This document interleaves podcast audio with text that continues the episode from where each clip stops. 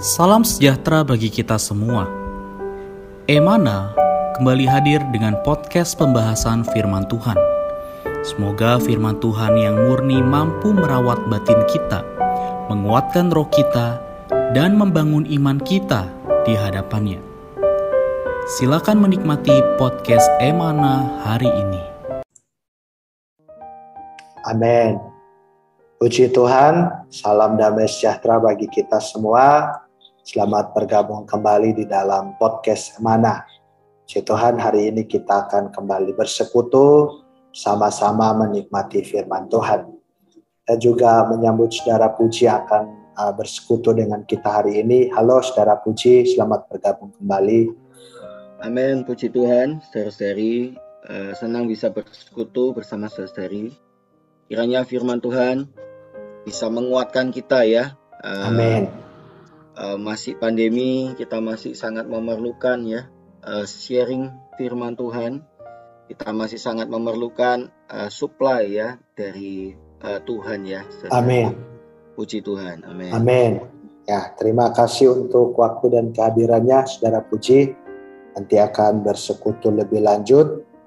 Uh, saya ingin terlebih dahulu menginformasikan kepada saudara-saudari bahwa untuk persekutuan kita hari ini diambil dari porsi pembacaan dalam Markus pasal 15 ayat 21 sampai 47. Ya, Markus pasal 15 ayat 21 sampai ayat 47. Saudara-saudari boleh meluangkan waktu untuk membaca porsi ini ya sehingga kita bisa uh, menikmati kelimpahan dari persekutuan hari ini. Kita akan masuk ke dalam topik persekutuan kita hari ini, yaitu judulnya adalah Dia menggantikan kita. Ya.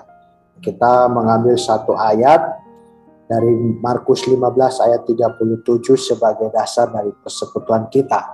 Ya saya bacakan bagi kita Markus 15 ayat 37 dikatakan lalu berserulah Yesus dengan suara nyaring dan menyerahkan nyawanya. Puji Tuhan. Lalu berserulah Yesus dengan suara nyaring dan Amen. menyerahkan nyawanya. Amin. Puji Tuhan, ini adalah uh, ayat yang menjadi dasar persekutuan kita hari ini. Dan selanjutnya untuk persekutuan yang lebih lengkap, saya persilahkan kepada Saudara Puji. Amin. Amin. Puji Tuhan. Saudara-saudari kita melihat bahwa di dalam bagian ini ya uh, itu adalah uh, menggambarkan ya atau mengisahkan kepada kita bagaimana Tuhan Yesus mati di atas kayu salib ya. Saudara-saudari kita harus selalu terkesan ya dengan uh, fakta ya kematian Tuhan di atas kayu salib. Uh, banyak orang karena begitu sering ya uh, kematian Tuhan ini diberitakan uh, sehingga uh, apa kesan ya atau atau perasaan uh, akan uh, kematian Tuhan yang begitu berharga ini kemudian menjadi makin lama makin dingin ya makin lama makin tawar ya. Uh, seorang bisa melihat film ya Passion of the Christ ya.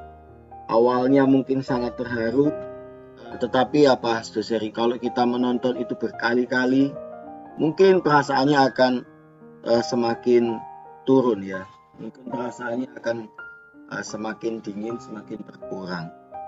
Nah saudari uh, ya kita perlu terus ya minta kepada Tuhan. Tuhan terus menjamah kita memberi kita kesan yang dalam uh, akan kasih Tuhan ya yang benar-benar dia nyatakan ya di atas kayu salib. Ya kematiannya adalah kematian yang menggantikan kita.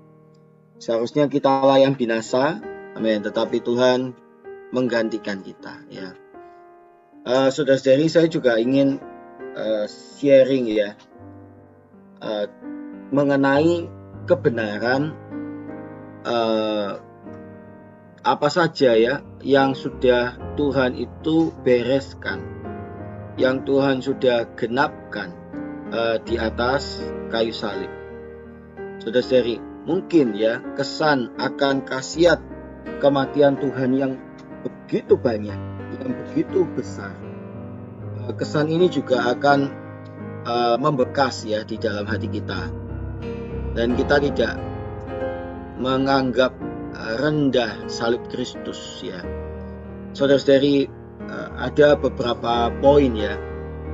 Yang pertama uh, di dalam uh, salib Tuhan dia itu membereskan uh, dosa saudara-saudari ya. Jadi dosa ini uh, ada dua hal ya. Dosa itu ada catatan dosa-dosa kita. Ada juga sifat dosa kita. Nah, saudara-saudari, dalam 1 Petrus pasal 2 ayat 24 dikatakan, ia sendiri telah memikul dosa-dosa kita. Amin. Di dalam tubuhnya di kayu salib, supaya kita yang telah mati terhadap dosa, hidup untuk kebenaran. Amin. Saudara-saudari, uh, di sini dikatakan dosa-dosa, ya. Uh, catatan-catatan dosa kita, ya, itu sudah Tuhan bereskan di atas kayu salib. Amin. Artinya kita ketika percaya kepada Tuhan, ya, uh, ketika kita datang kepada keselamatan, maka apa? Catatan dosa-dosa kita ini dihapuskan. Haleluya. Tidak hanya itu, sifat dosa kita pun dihapuskan ya. Sifat dosa kita pun dibereskan. Ibrani pasal 9 ayat 26 mengatakan eh, akan tetapi sekarang ia hanya satu kali saja menyatakan dirinya. Kemudian ada frase juga melanjutkan untuk menghapuskan dosa. Amin. Dengan korban dirinya ya. Jadi uh, dia mengorbankan dirinya untuk menghapuskan dosa. Dosa di sini ditulis uh, bersifat tunggal. Ini mengacu kepada sifat dosa kita, ya, sifat iblis yang ada di dalam kita. Orang tidak perlu diajar berbohong, sudah bisa berbohong, tidak perlu diajar membenci, sudah bisa membenci. Ya, tidak perlu diajar uh, apa menipu, sudah bisa menipu dan sebagainya. Ini adalah sifat dosa. Salib Tuhan, saudara-saudari, membereskan sifat dosa kita. Amin. Lalu yang kemudian, uh, yang ketiga ya, uh, salib Tuhan membereskan kita dari kutuk hukum Taurat. Ya, amin. Dari kutuk hukum Taurat. Saudara-saudari, hukum Taurat itu bersifat mengikat, ya, dan uh, memperhamba, ya. Uh, kemudian membebani. Nah, itu adalah uh, salah satu karakteristik hukum Taurat ya. Saudara-saudari, uh, ketika uh, ketika salib itu bekerja ya, maka apa kita dilepaskan ya dari hukum Taurat. Amin. Puji Tuhan. Hari ini kita tidak lagi hidup di bawah hukum Taurat, tetapi kita hidup di dalam hukum yang baru, yaitu di dalam hukum roh ya Eh, Roma pasal 8 ayat 2 kita ini memiliki hukum roh yang melepaskan kita dari hukum dosa dan hukum maut. Amin. Nah, yang selanjutnya, seseri uh, tubuh dosa kita, ya daging kita ini juga dibereskan. Amin. Uh, baik manusia lama ya maupun aku ya uh, yang uh, yang ada di dalam kita. Jadi bukan lagi kita melainkan Kristus. Ya, selain Kristus yang disalibkan, selain Kristus yang naik ke atas kayu salib, sebenarnya kita juga ada di sana. Ya, ini kebenaran ini dilihat oleh diri Paulus ya di Galatia pasal 2 ayat 19 Paulus mengatakan Amin aku telah disalibkan dengan Kristus Ya, tetapi bukan lagi aku yang hidup, melainkan Kristus yang hidup. Saudara-saudari, uh, artinya kita perlu menyadari ya bahwa kita ikut disalibkan dengan Kristus. Kita ini sudah mati ya bersama-sama dengan Kristus. Ya. Uh, Roma pasal 6 ayat 6 mengatakan manusia lama kita ini telah turut disalibkan supaya tubuh dosa kita ini hilang kuasanya agar jangan kita menghambakan diri lagi kepada dosa. Kenapa kita perlu disalibkan? Karena dosa itu seperti apa? Seperti virus ya, yang uh, apa? Terus uh, apa? membawa kita kepada satu sakit penyakit ya yaitu apa? Berbuat dosa. Jadi kita berbuat dosa karena ada dosa. Ya, sama seperti virus itu tidak bisa bekerja di, di atas orang mati ya kalau sudah mati tidak akan sakit lagi ya karena virus. Demikian juga dosa. Apa yang bisa menanggulangi dosa? Yang bisa menanggulangi dosa itu adalah kematian. Kita perlu dibawa ke dalam salib yaitu dimatikan ya bersama dengan Kristus. Nah kemudian eh, daging hawa nafsu daging kita pun juga disalibkan. Ya Galatia pasal 5 ayat 24 mengatakan siapa yang menjadi milik Kristus telah menyalibkan daging dengan segala hawa nafsu dan keinginannya. Lalu kemudian eh, iblis, haleluya, dan maut juga sudah disalibkan Amin, uh, saudara-saudari. Di, di dalam uh, daging kita itu ada iblis ya. Tuhan juga mengenakan daging, walaupun dagingnya tidak dikuasai dosa, ya.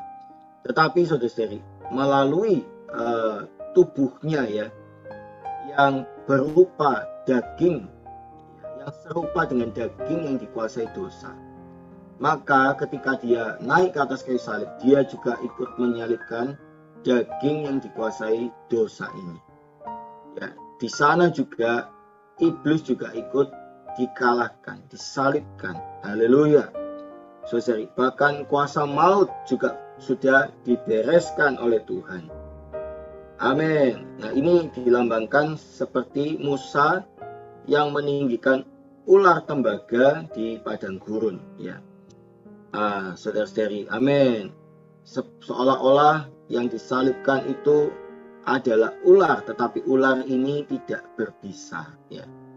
Tuhan adalah ular tembaga itu ya. Dia di dalam uh, wujudnya sebagai manusia ya. Uh, dia ikut menyalibkan ya si ular itu ya. Haleluya, walaupun dia sendiri tidak berdosa. Amin. Karena itu kuasa maut sudah dibereskan, ya iblis sudah dibereskan uh, oleh Tuhan. Kepala ular itu sudah diremukkan ya oleh ular, oleh Tuhan.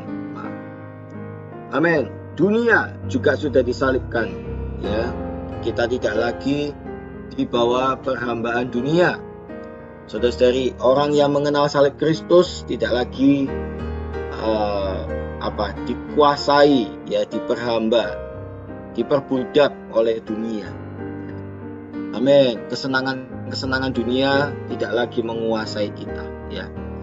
Eh, Galatia pasal 6 ayat 14 ya. Amin. Oleh Kristus ya dunia itu telah disalibkan bagiku. Haleluya. Kemudian salib juga mempersatukan ya. Salib itu mempersatukan saudara-saudari uh, di dalam kitab 1 Korintus Paulus menyatakan bahwa di tengah-tengah perpecahan dia tidak mau tahu yang lain, dia hanya mau tahu Kristus yang disalibkan. Amin. Di dalam Efesus pasal 2 ayat 14 dan 15 uh, eh, dia telah mempersatukan kedua belah pihak ya, yaitu Yahudi dan bukan Yahudi. Merubuhkan tembok pemisah yaitu perseteruan, sebab dengan kematiannya sebagai manusia ia telah membatalkan hukum Taurat dengan segala perintah dan ketentuannya untuk menciptakan keduanya menjadi satu di dalam dirinya. Efesus pasal 2 ayat 14-15. Yang terakhir, saudara-saudari, di atas kayu salib.